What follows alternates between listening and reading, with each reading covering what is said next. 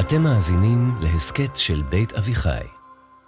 מי ברא את הרשימה המשותפת ב-2014 וחיבר בין מרץ, גשר ומפלגת העבודה ב-2020? מי גורם למפלגות קטנות לצאת בקמפיין גוואלד ולא מפסיק לאיים על סמוטריץ'? מי הפסיד לגוש הימין יותר משלושה מנדטים ומנע ממנו הקמת ממשלה ב-2019? מי מכניס את השמאל להתקף חרדה וגורם לביבי להזיע? וואו, נשמע כמו מישהו שידו בכל. אז לא, זה לא קמפיינר מבריק וגם לא טייקון שתורם בסתר למפלגות. גם לא רב מקובל שהברכה שלו היא סגולה לניצחון בבחירות. מדובר באחוז החסימה. רעידת האדמה הפוליטית. וישראל הולכת לבחירות בסתיו. הבחירות לכנסת ה-25. החל מהרגע העורך לקמפיין שיקל אחוז החסימה הוא אולי בסך הכל מספר, אבל מספר שגורם לנו לחשוב פעמיים לפני שאנחנו מצביעים, מספר שמדרבן רשימות לכנסת לשתף פעולה ולהתאחד לפני מערכת בחירות, מספר שזורק לפח עשרות ומאות אלפי קולות ומשחק בתוצאות, והכי חשוב, מספר שיכול להכריע את הבחירות. אז מהו אחוז החסימה? אחוז החסימה הוא שיעור הקולות המינימלי מתוך סך הקולות הכשרים שנספרו בבחירות, שמפלגה צריכה לקבל כדי להיבחר לכנסת. הבעיה היא שאי אפשר לדעת מראש כמה קולות באמת צריך.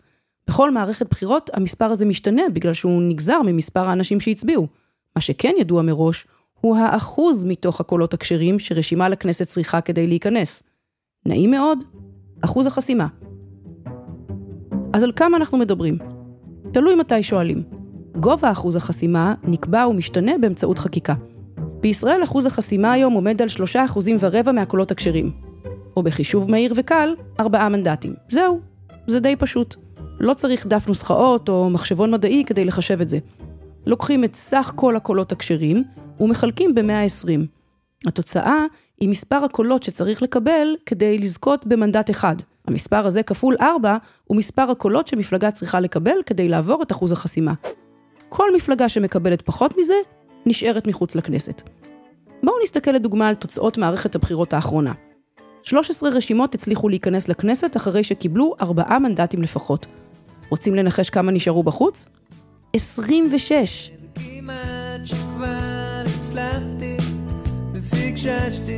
26 מפלגות, שהם שני שלישים מסך המפלגות שהתמודדו בבחירות, לא עברו את אחוז החסימה. ביניהם, מפלגת גמלאים שביקשה להשוות קצבת אזרח ותיק לשכר מינימום, מפלגת אני ואתה שביקשה להיאבק בהון שלטון, מפלגת המתנגדים לחיסונים, מפלגת משפט צדק בראשות לריסה טרימבובלר שהאמינה ששחרור הרוצח יגאל עמיר הוא רעיון שיסחוף את הציבור, וכולי וכולי, מפלגות עם רעיונות ויוזמות שלא חצו את הרף הנדרש. חלק מהרשימות קיבלו מספיק קולות כדי להשיג מנדט אחד או שניים, אבל אחוז החסימה קובע שאם קיבלת פחות מארבעה, הרשימה שלך בחוץ. בבחירות שנערכו לפני אלו, עברו את הרף הגבוה הזה רק שמונה רשימות מתוך 29. רף לא פראייר בכלל. עוד נדבר על זה. רגע, אם כל כך קשה לעבור אותו, למה כל כך הרבה מפלגות מתמודדות, אם לרובן ברור שאין להן סיכוי להיכנס? נחישות? חוסר קשר למציאות? חוש הומור? אולי, אבל יש מפלגות כמו עלי ירוק שמתמודדות שוב ושוב ושוב. היא אומנם מעולם לא צלחה את אחוז החסימה, אבל ברבות השנים האג'נדה שלה, הלגליזציה של סמים קלים, הלכה וחלחלה אל המפלגות האחרות. וכיום יש כמה וכמה חברי כנסת שמקדמים אותה. אז לפעמים עצם ההתמודדות היא סוג של השפעה לטווח ארוך. אז למה בעצם קיים אחוז חסימה? כי הדבר הזה שנקרא חבר פרלמנט, או אצלנו חבר כנסת, הוא משאב מוגבל. אצלנו יש רק 120 כאלה, ככה שהתחרות היא גדולה. המטרה של אחוז החסימה היא לוודא שלאנשים, למפלגות וגם לאג'נדות שנכנסות לכנסת, יש תמיכה מספיק רחבה בציבור כדי להצדיק את זה שהן שם, תופסות מקום יקר בפרלמנט הקטן שלנו. סוג של מסננת אם תרצו. ובדיוק כמו שלא המצאנו את הדמוקרטיה הפרלמנטרית, גם אחוז חסימה הוא לא תופעה ייחודית לשיטה הישראלית. בכל דמוקרטיה פרלמנטרית משתמשים בו, והוא עומד בדרך כלל על בין 3 ל-5 אחוזים. אפילו בהולנד, שבה אין אחוז חסימה רשמי, תצטרכו להשיג מנדט אחד שלם כדי להיכנס לפרלמנט. אם תשאלו אותי, זה גם סוג של אחוז חסימה, רק מאוד מאוד נמוך. אבל, אל תטעו, אחוז החסימה הוא לא רק מסננת תמימה, הוא גם כלי דרמטי שיכול להכריע מערכות בחירות. בשביל להבין את זה, צריך ללכת צעד אחורה ולהבין איך מחשבים אותו. עוד לפני שסופרים פתקים, קודם כל מוודאים שהם כשרים, כלומר חוקיים. אם יש במעטפה יותר משלושה פתקים של אותה מפלגה, פסול. שני פתקים של מפלגות שונות, פסול. קשקוש של הפתק, מעטפה שהבאתם מהבית ואין עליה סימון של ועדת הבחירות המרכזית. ואם בחרתם בפתק לבן כסוג של מחאה, אז מה זה פספסתם? לא רק שהפתק נפסל, הוא אפילו לא נספר בנפרד מכל הפתקים הפסולים האחרים, ככה שלאף אחד אין מושג אם וכמה אנשים בכלל ביקשו למחות. אז אחרי שהורדנו את כל אלה ונשארנו רק עם הקולות הכשרים, אפשר להתחיל לבדוק כמה כאלה צריך כדי להיכנס לכנסת. לא נלאה אתכם בחישובים המדויקים, TMI, אבל בשורה התחתונה, בבחירות האחרונות כל מפלגה שהתמודדה לכנסת הייתה חייבת להשיג 143,327 קולות כדי להיכנס. שמעתם את זה? 143,327 אלף קולות. תחשבו רגע על המספר הזה. זה בערך 12 הופעות סולד אאוט של עומר אדם בהיכל נוקיה, 508 מטוסי בואינג גדולים מלאים באנשים שבצירוף מקרים מופלא בחרו באותה מפלגה. זה מעט? זה הרבה? תלוי את מי שואלים. אחוז חסימה גבוה משרת בדרך כלל את המפלגות הגדולות בכנסת. הן הרי יעברו אותו בכל מקרה, ואם יזכו להרכיב את הקואליציה, זה יחסוך להן כאב ראש גדול. כמה שפחות מפלגות קטנות להתמודד איתן כשכל אחת עלולה להיות לשון מאזניים, ככה גם פחות סחטנות פוליטית, פחות ויתורים ויותר יציבות. לפחות בתיאוריה. העלאת אחוז החסימה היא גם תמריץ למפלגות להתאחד לפני הבחירות מתוך החשש שלא לעבור את סף הקולות הנדרש. זה יכול להיות יתרון לבוחר ולמערכת כולה. פחות אפשרויות, פחות בלבול והסחות, יותר התמקדות בסוגיות הליבה. מהצד השני, המתנגדים לאחוז חסימה גבוה טוענים שהוא פוגע בייצוגיות, מדיר קבוצות חברתיות ומפלגות מיעוטים, ולא בהכרח מסייע ליציבות. יש שיאמרו שאחוז חסימה גבוה הוא אפילו סוג של פגיעה בדמוקרטיה, בעיקרון שלטון העם, כי זה הופך את הניסיון להקים מפלגה ולצלוח את רף הכניסה להרבה יותר קשה. בישראל, בה רוב האנרגיה הפוליטית סביב הבחירות מושקעת באופן מסורתי בסוגיה המדינית-ביטחונית, שגם היא פינתה את מקומה לשאלת הכן ביבי, לא ביבי, נושאים חשובים אחרים כמו דת ומדינה, חינוך, שוויון וכלכלה, נדחקים הצידה. כך שאם התיימרתם להשיג מספיק קולות בעד מפלגה שתפעל בנושא משבר האקלים, או לכזאת שתבטיח להתמודד עם קריסת מערכת החינוך, תצטרכו לשכנע יותר מ-140 אלף בוחרים שהנושא הזה חשוב מספיק ושכדאי להשקיע רק בו את הקול שלכם. לא פשוט. אגב, זה לא תמיד היה ככה. עד לבחירות לכנסת ה-13 שהתקיימו ב-1992, אפשר היה להיכנס לכנסת ישראל גם אם זכיתם במושב בודד, שהוא אחוז אחד מסך הקולות הכשרים. הרב מאיר כהנא ואהרון אבוחצירא הצליחו ב-1984 להיכנס לכנסת אחרי שזכו במנדט אחד. גם שולמית אלוני לא הלכה לאיבוד ותפסה מושב בכנסת ב-1981 עם רשימת רץ. בין 1992 ל-2014 עלה אחוז החסימה בהדרגה מאחוז וחצי, שהוא שני מנדטים, למה שהוא היום, שלושה אחוזים ורבע, שהם ארבעה מנדטים. אז אמרנו שאחוז חסימה גבוה משרת את המפלגות הגדולות. אבל אנחנו יודעים כבר מזמן שהמפלגה פחות חשובה. זה הגוש שקובע. ופה זה באמת מתחיל להסתבך. אחוז החסימה משרת את הגוש רק אם הוא השאיר בחוץ ובזבז קולות למפלגה מהגוש הנגדי. העלאה או הורדה של אחוז החסימה יכולים לשרת אינטרסים ולחרוץ גורלות. אבל שימו לב, זהו כלי משחק הפכפך ובלתי צפוי. כמו שהרגע אמרתי, לקראת הבחירות לכנסת ה-13, אחוז החסימה שונה מ-1 ל-1.5. על הצעת החוק היו חתומים הרב יצחק לוי מהמפד"ל וגרשון שפט מהתחייה. למרבה האירוניה, השינוי הזה השאיר בסוף דווקא את מפלגת התחייה בחוץ. גול עצמי מפואר. לפני בחירות 2014, נתניהו וליברמן הם שהעלו את אחוז החסימה. אביגדור ליברמן האמין שחלק מהמפלגות הערביות לא יעברו את הרף הגבוה, וככה יפסידו קולות. אבל אחוז החסימה הגבוה רק גרם למפלגות הערביות להתאחד לפני הבחירות, ובכך הם הפכו למפלגה השלישית בגודלה בכנסת. המהלך הזה חזר לליברמן כמו בומרנג, והרשימה המשותפת הפכה לגורם דומיננטי בפוליטיקה הישראלית. ב-2019, שנת הבחירות לכנסת ה-21, חסרו למפלגה של נפתלי בנט ואיילת שקד רק 1,454 קולות כדי לעבור את אחוז החסימה. פסיק קטן, בערך מאית המנדט, שהשאיר אותם מחוץ לכנסת ומנע מגוש הימין להקים קואליציה. הפלונטר הפוליטי הציל את בנט ושקד, כי בסוף הרי לא הוקמה ממשלה. שנתיים מאוחר יותר, צחוק הגורל.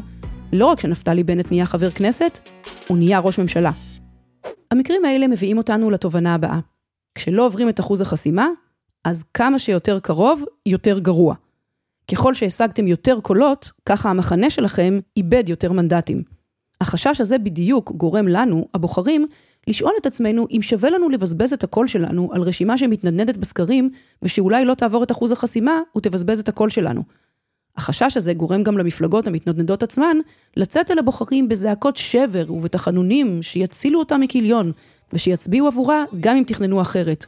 כל זה לטובת הצלת הגוש ומניעת אסון. קוראים לזה קמפיין גוואלד, ולא חייבים לדבר יידיש כדי להבין את המשמעות. אז נגיד שנכנעתי לקריאות הגוואלד, והמפלגה שהצבעתי לה, מפלגת כוח לתתרנים, לא עברה את אחוז החסימה. מה קורה לקול שלי?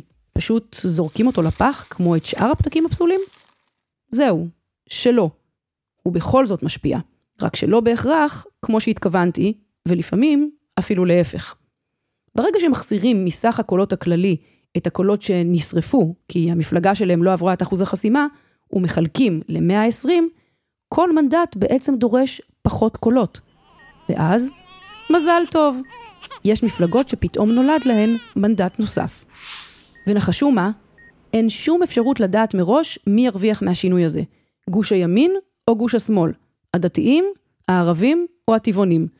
ואם המנדט הנוסף והמפתיע שמפלגה מסוימת קיבלה, הוא שיכריע את מערכת הבחירות כולה. אתם קולטים? יש סיכוי שבסוף הקול האבוד שלי עזר לגוש הנגדי להקים ממשלה. במקרים כאלה, אחוז החסימה והטיפול בקולות שלא עברו אותו עשוי לעוות לחלוטין את העדפת הבוחרים. בבחירות לכנסת ה-19 עמד מספר הקולות המבוזבזים על שיא של 268,797 קולות, יותר משמונה מנדטים. אה, וזה עוד לא הכל. הנה עוד עניין קטן למתקדמים שבינינו.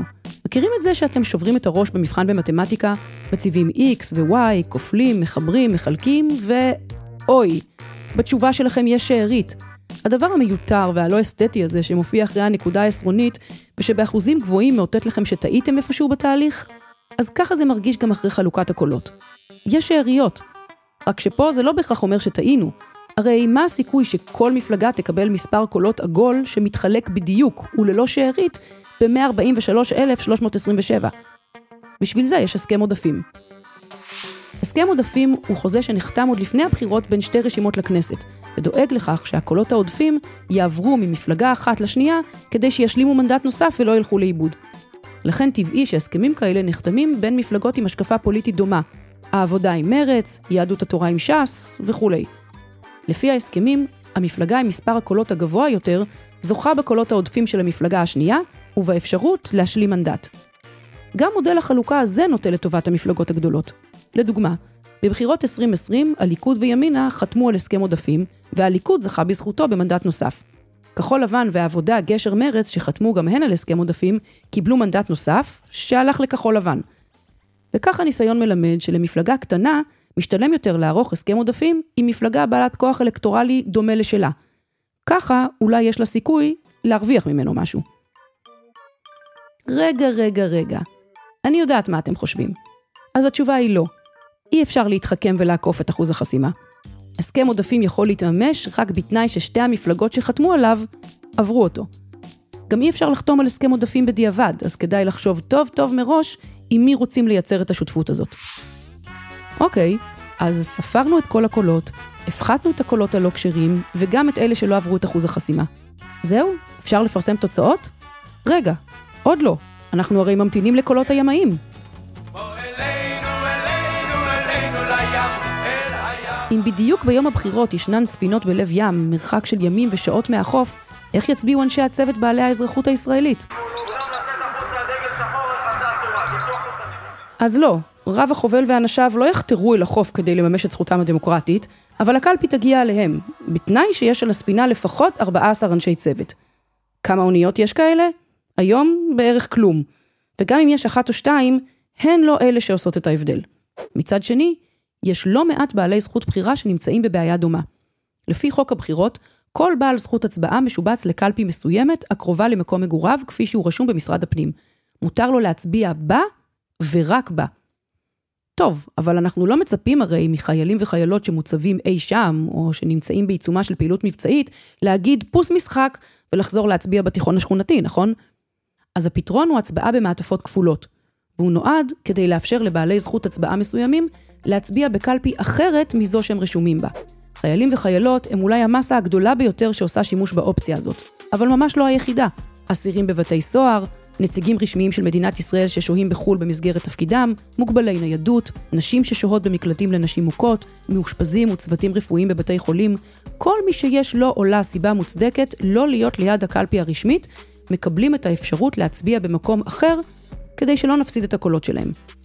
ובישראל, כמו בישראל, יש גם כאלה שתופסים טרמפ על האופציה הזאת.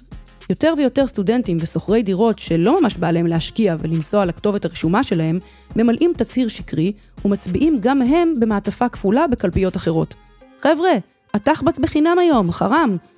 בסוף בסוף, כל המעטפות הכפולות האלה מצטברות למספר די גדול, בין 3 ל-5 אחוזים מכלל הקולות, וזה עוד חלק ממה שמעכב את התוצאות. ההצבעה במעטפה כפולה נעשית כמו הצבעה רגילה. מכניסים את פתק ההצבעה למעטפה אטומה, אבל במקום לשלשל אותה ישירות לקלפי, היא מוכנסת לתוך מעטפה חיצונית נוספת, שעליה רשומים פרטי הזיהוי של המצביע. המעטפות האלה לא נספרות בקלפי שבה נערכה ההצבעה, אלא מועברות כולן לאתר ספירת הקולות של ועדת הבחירות המרכזית, ורק שם הן נספרות. כל זה לוקח זמן, ולכן הקולות האלה נספרים באיחור של יום עד יומיים. כיוון שמדובר בלא מעט קולות שהם גם מאוד מגוונים, קשה מאוד לנבא את ההתפלגות שלהם עד שהם ממש נספרים. בבחירות לכנסת העשרים, אחרי ספירת המעטפות הכפולות, יהדות התורה והרשימה המשותפת איבדו מנדט, ואילו הליכוד ומרץ הרוויחו מנדט כל אחת. אז לסיכום, אחוז החסימה הוא גורם דומיננטי שעשוי להכריע בחירות. לפעמים הוא אויב ולעיתים הוא חבר, אז אל תסמכו עליו אף פעם. הקול שלכם יכול להיות זה שיקפיץ רשימה קטנה שחשובה לכם מעל המשוכה, אבל באותה מידה הוא עלול להשלים מנדט חשוב ודרמטי בקרב בין הגושים למחנה הפוליטי הנגדי לכם. אז איך יודעים? לא יודעים. ובכל זאת, הבחירות הן ממש לא קזינו. בשביל שהקול שלכם יגיע ליעד שלו, צריך בעיקר להפעיל שיקול דעת. וכן, אולי גם טיפת מזל. בהצלחה. אני אפרת שפירא רוזנברג, תודה רבה לאמיר פבלוביץ' על התסריט ולניר לייסט על הפסקול. תודה רבה גם לשלומית גולדין הלוי, לשי זמיר, לאריה גולדין ולאייל לויט, חברי המערכת וההפקה המסורים. רוצים ורוצות להתעמק עוד? האזינו להסכתים קצה הקרחון ומפלגת המחשבות, על הרעיונות שמאחורי הפוליטיקה הישראלית. עכשיו, באתר בית אביחי ובפלטפורמות ההסכתים המובילות.